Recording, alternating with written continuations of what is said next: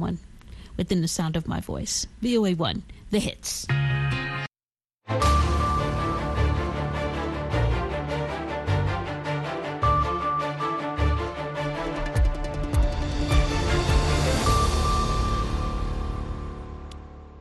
halkani waa washington laantaaf soomaaliga idaacadda v o a oo si toosa idinkaga imaaneysa magaalada washington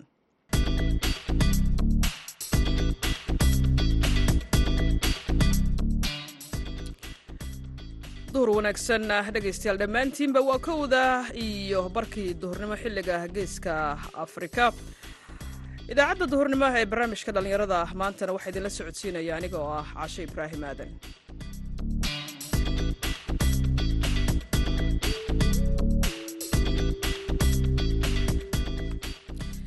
Waa kowda agost ee sanadka laba kun saddex iyo labaatanka. Qodobada aad ku dhagaysan doontaan barnaamijka dhallinyarada maantana waxaa ka mid ah siday dhallinyarada uga faa'iidaysan karaan shir aqooneedka ama la isku weydaarsado xagga aqoonta. Shirkani shir aada noogu muhiim u ahaa.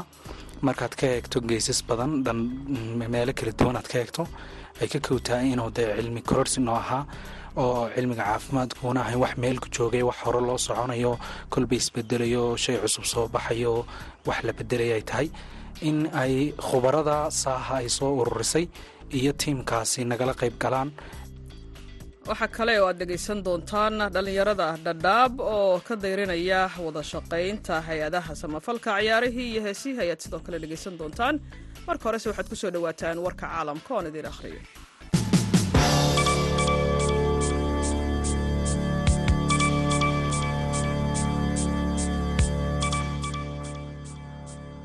faransiiska ayaa sheegay in ay bilaabi doonaan talaadadan dadaal muwaadiniinteeda iyo kuwa dalalka kale ee yurub lagaga soo daadguraynayo dalka niger ku dhowaad toddobaad kadib markii xukunka dalkaasi ay la wareegeen militariga wasaaradda arrimaha dibadda ee faransiiska ayaa bayaan ay soo saartay waxa ay ku sheegtay in go'aanka lagu daadguraynayo dadkan ay ka dambeysay rabshado ka dhana safaaradda faransiiska ee neame iyo sidoo kale xiritaanka hawada ee dalka niger. Wasaaraddu waxay sheegtay in muwaadiniinta faransiiska lagu khasbay in ay keligood ka bixi waayaan dalka. Wasiirka arrimaha dibadda ee talyaaniga ayaa baraha bulshada waxa uu ku sheegay talaadadan in talyaanigu uu sidoo kale muwaadiniintiisa ku sugan yaame u fidinayo duulimaad gaar ah oo lagaga soo daadguraynayo dalka niger caqabad cusub ayaa la soo daristay heshiiskii ay garwadeenka ka ahayd dowladda shiinaha ee la isugu soo dhoweynaya iiraan iyo sacuudi arabiya. Kadib markii labada dal ay isku qabsadeen ceel shidaal oo ku yaalla gacanka beershiya dalalka sacuudiga iyo kuweyt ayaa si wada jira waxay u sheegteen ceel shidaal oo ku yaalla xeebaha aldura halka dalka iiraanna ay dhinacooda ka sheegteen in ay leeyihiin xuquuqda goobta ceelkaasi laga helay taas oo ay ku magacaabeen araash labada dhinac ayaa bishii maaj waxay teheraan ku yeesheen wadahadal arrintan la xiriirta hase ahaatee wax natiijo ah lagama gaarin. Saraakiisha dalka bakistan ayaa sheegay in tirada dhimashada ee dadka ku dhintay weerar ismiidaamina oo xaddii ka dhacay isu soo bax siyaasadeed oo ka dhacay waqooyiga galbeed ee dalkaasi ay tirada dadka ku dhintay gaarayso lix iyo afartan qof. Maamulka oo v o e da la hadlay ayaa beeniyey tirada dhimashada ee afar iyo kontonka ah ee warbaahinta qaar ay sheegeen. Qaraxa ayaa dhacay intii lagu guda jiray shirweynaha shaqaalaha ee xisbidiimeedka la yidhaahdo jamiicaad culima islaam oo ka dhacay magaalada khaar ee aagga bajuur oo u dhow xadka bakistan uu la wadaaga dalka afghanistan. Kooxda daacish ayaa fariin ay soo dirtay isniintii waxa ay ku sheegatay mas'uuliyadda weerarka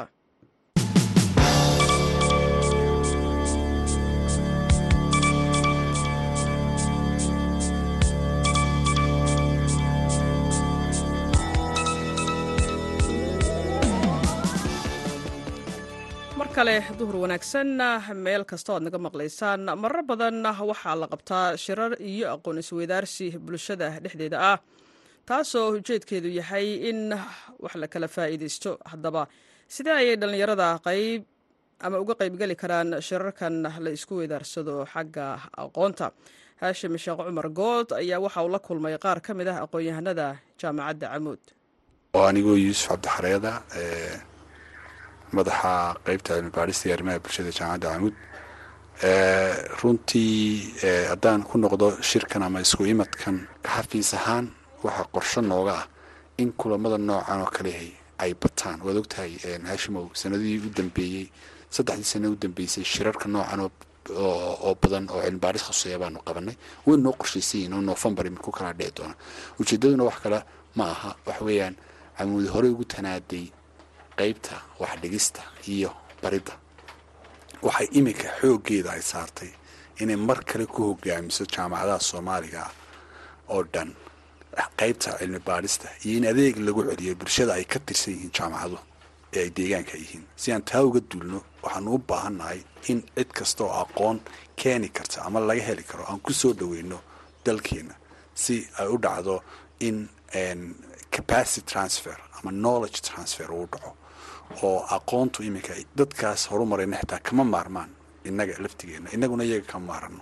Si kolba qodob aqoontuna kama hadho in wax la qoro oo la ysku imaado oo la isu gudbiyo oo ummadana kor loo qaado. Tusaalehaan haddaan ku soo noqdo tiamka iminka la qaatay ee ka hadlayay non communicable diseaseska ama xanuunada aan la kala qaadin ee laakiin lala noolaan karo dadkeenu xitaa ma gaadhsiisana in ay la nool inay fahansan yihiin inay la noolaadaan iska daa inay la tacaalaan. Marka taasoo kale sida dadkaa horumaray ay ula tacaalaan iyo waxa aan ka baran karna innagu ayaa shirkan inta badan huseeyey waxaana soo wadnaa tiiman badan oo noocaas oo kale ah oo waxyaabaha caqabada inagu haya dalka inaynu hab cilmi baadhiseed oo aqoon la isugu gudbinayo.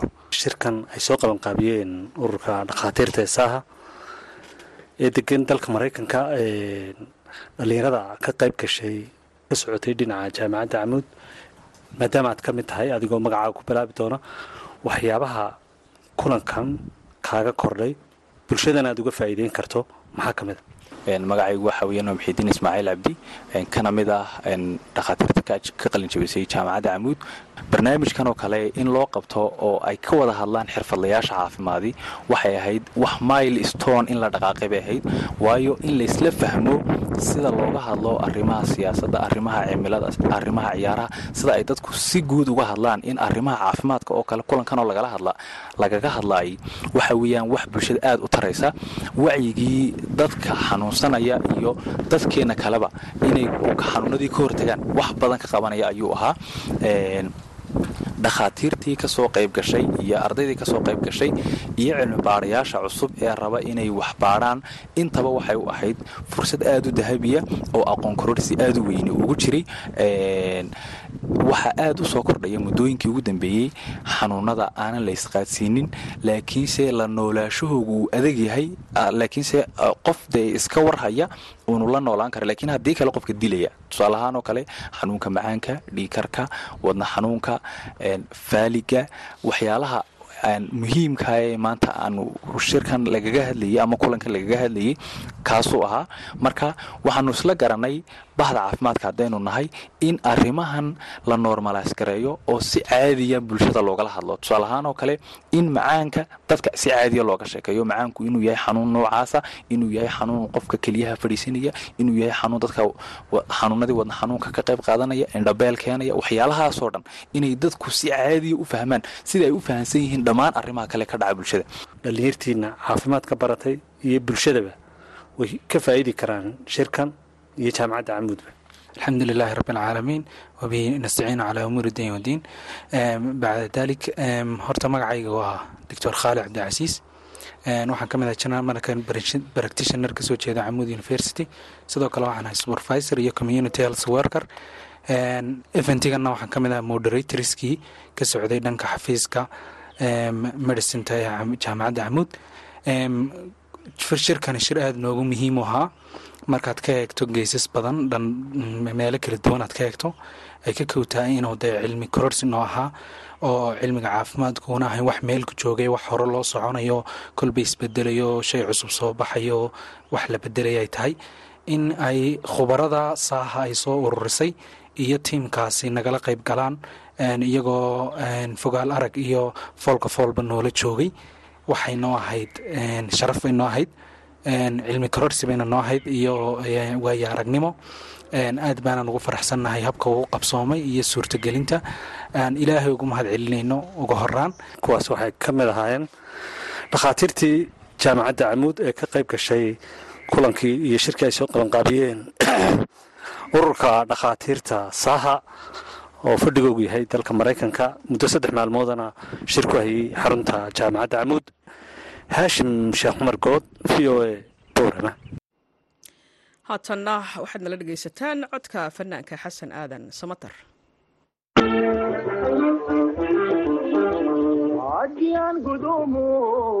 gaari waayitaan rabay garbay noqoti caashaqa inaan daba gurguurte haddiyaan gudumu gaari waayitaan rabay garbay noqoti caashaqa inaan daba gurguurte xagga gebi xagguna gebi gudcurdaa soo rogay xagga gebi xagguna gebi gudcurdaa soo rogay gashanqaan habaabiyo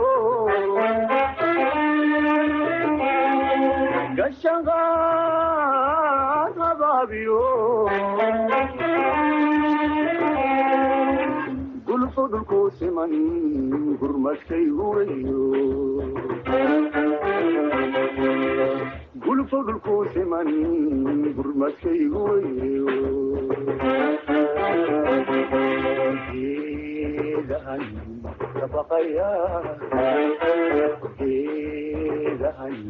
kabaqaya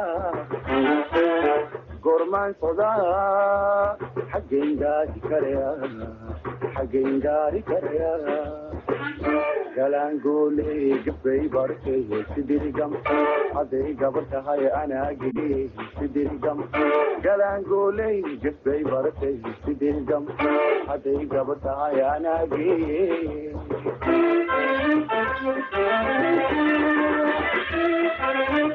adduunyadan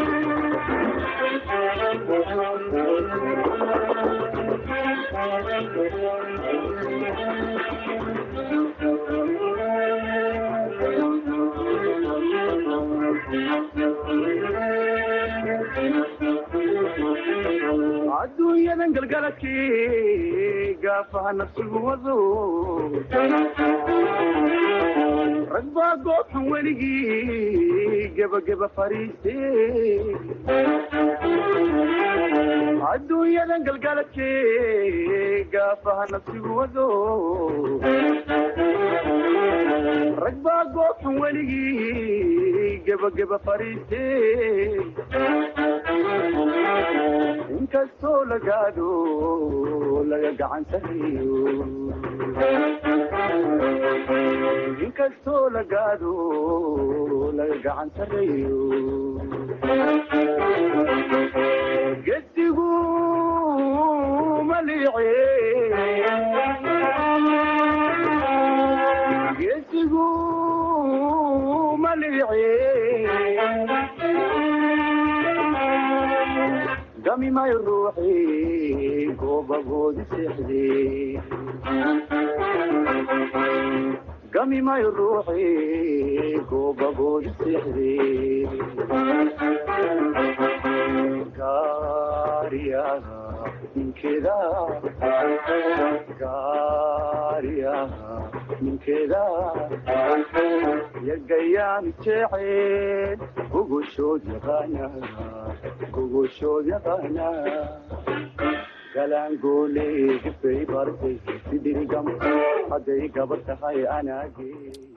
codka xasan aadan samatar ayaan intaas uga gudbaynaa hogaamiyaasha ururada dhallinyarada ee ka dhisan xeryaha qaxootiga ee dhadhaab ayaa ka dayriyey wada shaqaynta ay la leeyihiin hay'adaha samafalka iyagoo codsaday in loo bilaabo taageerada lagu caawinayo dhallinyarada qaxootiga ah ee xeryaha dhadhaab. Cabdicasiis cadow maxamed ayaa arrimahani waxa uga waramay wariyaha v o eda cabdisalaan salas magacayga waxaa la dhahaa cabdiciis cadow maxamed waan dhowahay walaal aad baan u dhowahay waad mahadsan tahay. Sida aad sheegtayba dhallinyarada qaxootiyaha soddonka sane joogay ee waddanka soomaaliya aana arkin meelo kalena aanan hoyigooda u noqday dhadhaab waxqabo badana soo wajahay. Waxaa ka mid ah dhallinyaradii shaqo abuur baa loo samayn jiray. Markii macnaha hay'adaha qaarkood tababara samayn jireen tababar bay siinayeen sida verilasinka aqoonta onlineka looga shaqaysto dhalinyaro badan baa ka qalajibin jirtay oo suuq heli jirtay. Brograamkii meeshuu ka baxay. Waxaa kaloo jirta dhallinyarada xirfadaha gacmaha sida dhaqaamada timajarnimada kuukska waxyaabo la baray. Hay'adihii ka taageerayay waxay samayn jireen. Markii dhalinyarta ay qalajibiyaan magaalada la keeni jiray meel baa loo fur jiray waxyaabihii marka qofku wuxuu awood u lahaan jiray inuu shaqaysto oo noloshiisa u samaysto brograamkii o dhan hadda wuu xiran ma jiraan. Hay'adaha markii aad weydiiso oo aad dhahda see wax u jiraan waxay ku dhahaan dhaqaala-aanaa jirta dhallinyarada markii la rabo in la sameeyo qorsheen ee dhaqaalaha la rabo sanadka dambe bajetka la hagaajina oo balaanig la sameynayo xaq waxay u leeyiin dhalinyarada in lala tashto in la weydiisto waxyaabaha ee mudnaanta ee rabaan in laga taageero meeshii lagu tashanaya miiskii kutashiga dhallinyarada looma ogola. Waayahay cabdicasiis sidaan la soconno waxaa xeryaha ka dhisan ururo matalo dhallinyarada xeryaha ku nool. N maxaad ku weyseen doorkiinii aad ku matalayseen bulshada qaxootiga ah? Wada shaqaynta idin dhexeysa idinka hay'adaha halkee bay ku dambaysa bismillah anaga hadda ururka dhallinyarada ifo ifo youth umbrella waxaa macnaha hoos tagaan ilaa soddon urur oo dhallinyaro ay leeyihiin oo rag iyo dumar waxaan anagana dadka u ololeeyo xaquuqdaas oo dhallinyarada aan dhahna mar kasta. Shaqaala-aan jirto dhaqaala-aan aad jirto la shaqeeya waxaana u baahan yihiin. Xirfadaha marka dhallinyarada aan wareysan in laga taageera ee rabaan aan hay'ada u gudbinaa hay'adihiina macnaha hadda waxay sameeyeen dhallinyarada soddon sane la shaqeynayeen macnaha waxay soddon sane xerada joogeen dadkii dhaqankoodii iyo waxooda barteen. Heer waxayba gaareen hadda aysan lagula tashinin dan lagaa lahayn marka laga tago eedeyntan ballaaran aad jeedinaysaan maxaa lumiyey matalaadiina kulamada ka dhacayo iyo shirarka looga hadlo aayaha dhallinyarada inaad matashaan oo ka qayb gashaan? Maxaa idinka hortaagan? Mar walba anaga cabashadeena wixii si professionals ah ayaa waxaan u gudbinaa. Haas ahaatee anaga marka haddii aanan dhallinyarada naloma ogola shirarka caalamiga ee dhaca inaan tagno oo aan macnaha aan ka qayb qaadano lama ogola inaan waxa dhibaatooyinkeena aan meelaha aan u sheegan lahayn hay'adaha doonaska aan u sheegan lahayn miisaskaas inaan tagno lama ogola saa darteed ee ku dhuntay matalaadkeena waa tahay dhinaca kale marka laga tago in dabcan taageeradii laga jaray dhallinyarada qaxootiga ah waxaa xeryaha ku soo badanayo isticmaalka maandooriyaha shiralka amni darro waxyaabahaas maxaa wacyigelin ood ka qabateen? Arrintaas aad baan anaga ugu istaagnay hay'ado badan oo aan kala hadalnay oo waxaa jiraan. Hadda ugu madacilins oo arrimaha naga taageeray oo u qabanay siminaaro oo aan uga wacyigelina dhallinyaradan dhibaatada ee leedahay maanduuriyaha marka waa ognahay oo ku soo badatay hadda dadkii boqolkiiba sagaashan dadkii magaalada joog way cunaan. Marka waa anaga doorkeena haddee tahay wacyigelin haddee tahay farinteena inaan u gudbino dhallinyarada waan u istaagnay arrintaas oo siminaaraha u qabanay oo qaarkoodna dhallinyarada waxaan u qabanay tartan ciyaaro si aan u mashquulino oo dhallinyaradaas aan u mashquulino daroogada iyo waxyaabaha dhibaatooyinka inay galaan. Darteed ayaa sanadkiiba afar joor shan joor wax ku dhow waxaan u qabanaa tartamo ciyaaro ah oo mashquulina. Waa tahay shaqola'aanta ka jirta xeryaha sicir bararka dabcan raashinkan la yareeyey.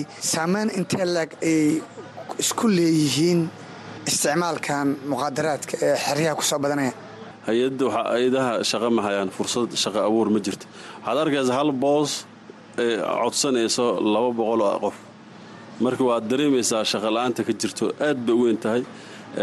Xagga macnaha haddaan ka hadalno aqoonta scholarshipkii dhallinyaradii aada lahaayeen fursadaha la siinaayo iyo inta dhallinyaro oo macnaha scholarship u soo macnaha fursad u helaysa inay gasho isma laha waxaa dhihi labaatan qof aa waxaa yaaba boqol ku dhibo dhallinyarada inay gareedkii scholarshipkii luu geli laha ay haystaan. Laakiinse jaaniskii hay'adii awood uma laha ma ka bixin karaan. Marka babajikulaada iyo raashiinkan la qaatana kuma filno. Reer dhan macnaha bishiiba oo lacag yar ama qudaar ama laba kun saddex kun eh ma anficayso. Dhan marka shaqa la'aanta saaid ba anaga dhibka noo haysta dhallinyaradaanana aad noo haysto waxaa ka mid ah shaqa la'aanta baaxadda leh ee ka jirto xaryaha dhadhaab waayahay ugu dambayntii maxay tahay fariinta aad u jeedinayso bulshada qaxootiga ah gaar ahaan dhallinyarada? Dhallinyarada waxaan u sheegayaa marka hore horta inay macnaha iska daayaan daroogadan. Daroogadan wax macnaha u soo kordhinayso ma laha. Qaarkood waxay ku dhahaan daroogada macnaha waxaan isku dhaafinaynaa waqtiga. Waqtiga waa muhiim. Waqtiga waxaa la rabaa inaad ka faa'iidaysato. Intii macnaha darooga cun lehed waxaa fiican inaad aqoonta aad kororsato. In adiga haddii aad weyso macnaha sida aad rabtay in adiga isku tashato mar walba macnaha ma ahaan karta qof gacan lahaayo dhallinyarada waxaan ku waraadin lahaa inay nafsadooda u istaagaan wax qabsadaan wax ay bartaan.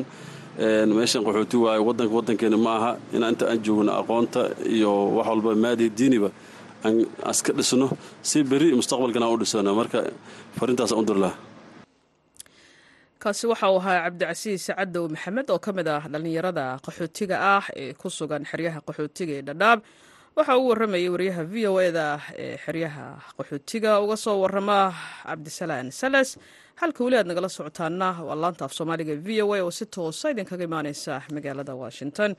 Haddii aan mar kale idin xusuusiyo qodobada warka caalamka ugu weyna faransiiska ayaa waxa uu sheegay in ay bilaabi doonaan talaadadan dadaal muwaadiniinteeda iyo kuwa dalalka kale ee yurub lagaga soo daadgureynayo dalka niger ku dhowaad toddobaad kadib markii xukunka dalkaasi ay la wareegeen militariga wasaaradda arrimaha dibadda ee faransiiska ayaa bayaan ay soo saartay.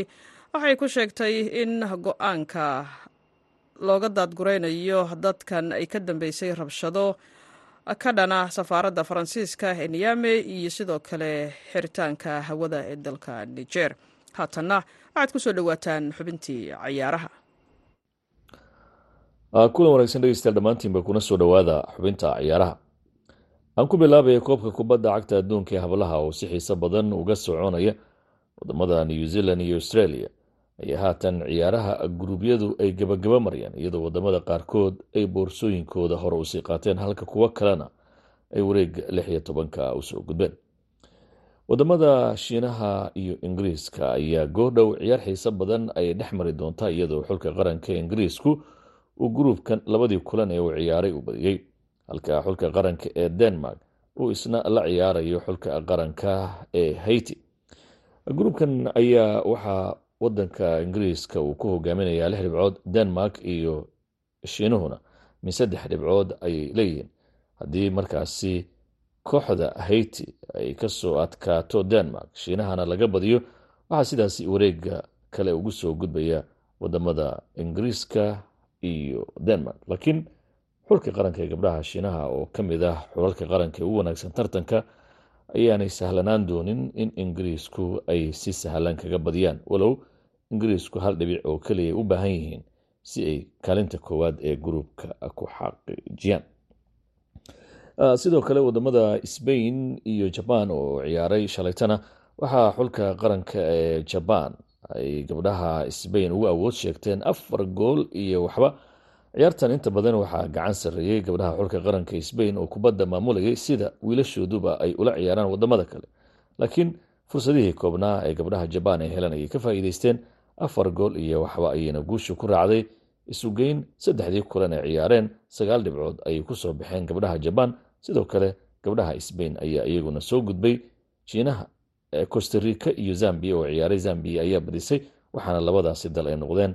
Laba dal oo iyadu boorsooyinkooda ka qaatay tartanka ciyaaraha kubadda cagta ee koobka kubadda cagta adduunka gabdhaha oo ka socda waddamada new zealand iyo australia. Dhinaca iyo haddii aan jalleeco suuqa kala iibsiga ciyaartoydan ciyaaryahan fabinio mashiinkii qadka dhexe kooxda kubadda cagta ee liverpool ayaa isaga tegay kooxdaasi kuna biiray kooxda al itixaad ee wadanka sacuudi carabiya ciyaaryahan fabinio ayaa ugu kacay kooxda al itixaad lacag gaaraysa afartan milyan oo ganiga ingiriiska waxa uuna kooxda la gaaray heshiis saddex sana xidigan ayaa muddo shan sana u ciyaaray kooxda kubadda cagta ee liverpool halkaasi uu koobabka horyaalka qaaradda yurub ee champions leaga iyo horyaalka dalka ingiriiska oo liverpool ay muddo soddon sanaha ugu dambeysay u suurageliyey kooxdu in ay ku guuleysato waxaana xidigan uu ka mid yahay xidigo badan oo ku qulqulaya horyaalka wadanka sacuudi carabi. Dhegeystayaal xubinta ciyaarintan ku soo gabagabeynaa tan kulan dambe waa mascadooda ku dhaafaya sidaa iyo nabadgelyo. Aad ayaad u mahadsan tahay maxamuud mascade haatanna waxaad nala dhegaysataan haystii laba qayd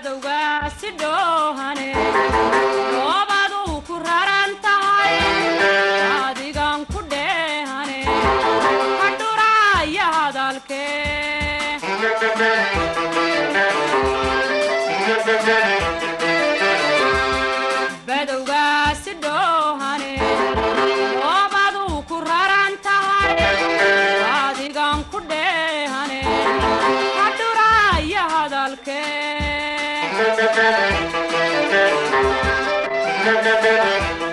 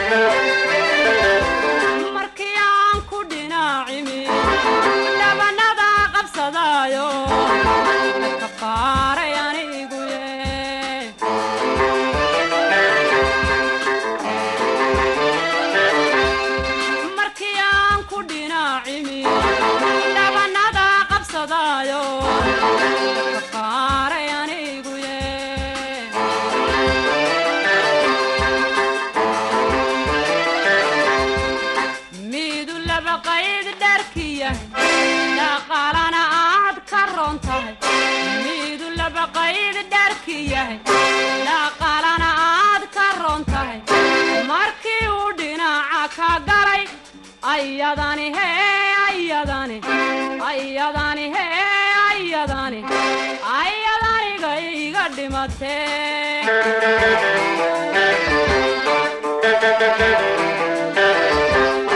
miidu laba qayd dharkiyahay dhaqaalana aad ka ron tahay miidu laba qayd dharkiyahay dhaqaalana aad ka ron tahay markii uu dhinaca ka galay ayadaniga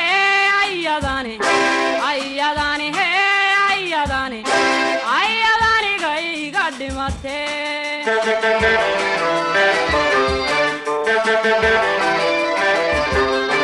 wandhaliilaynan yahay hadalkaad dhahayso ku dhiisnayn cilmiga aad isaga dhawaaqadeen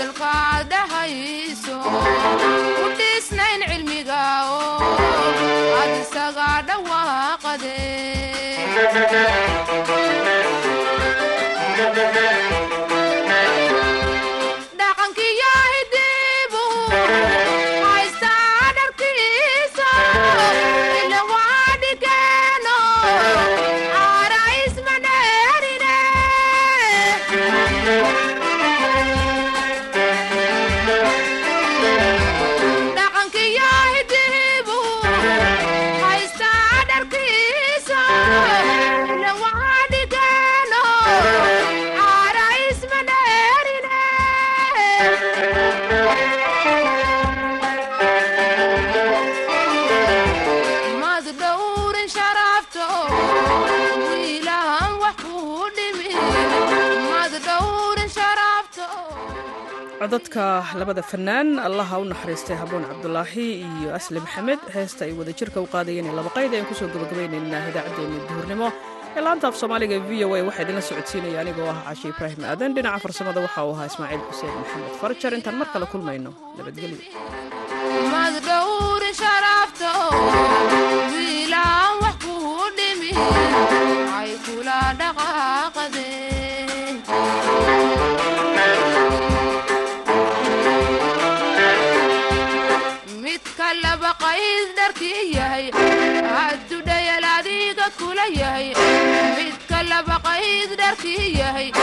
haddudhayal adiga kula yahay amadina yahay ka dhiriftay anigu waan hee anigu waan anigu waan hee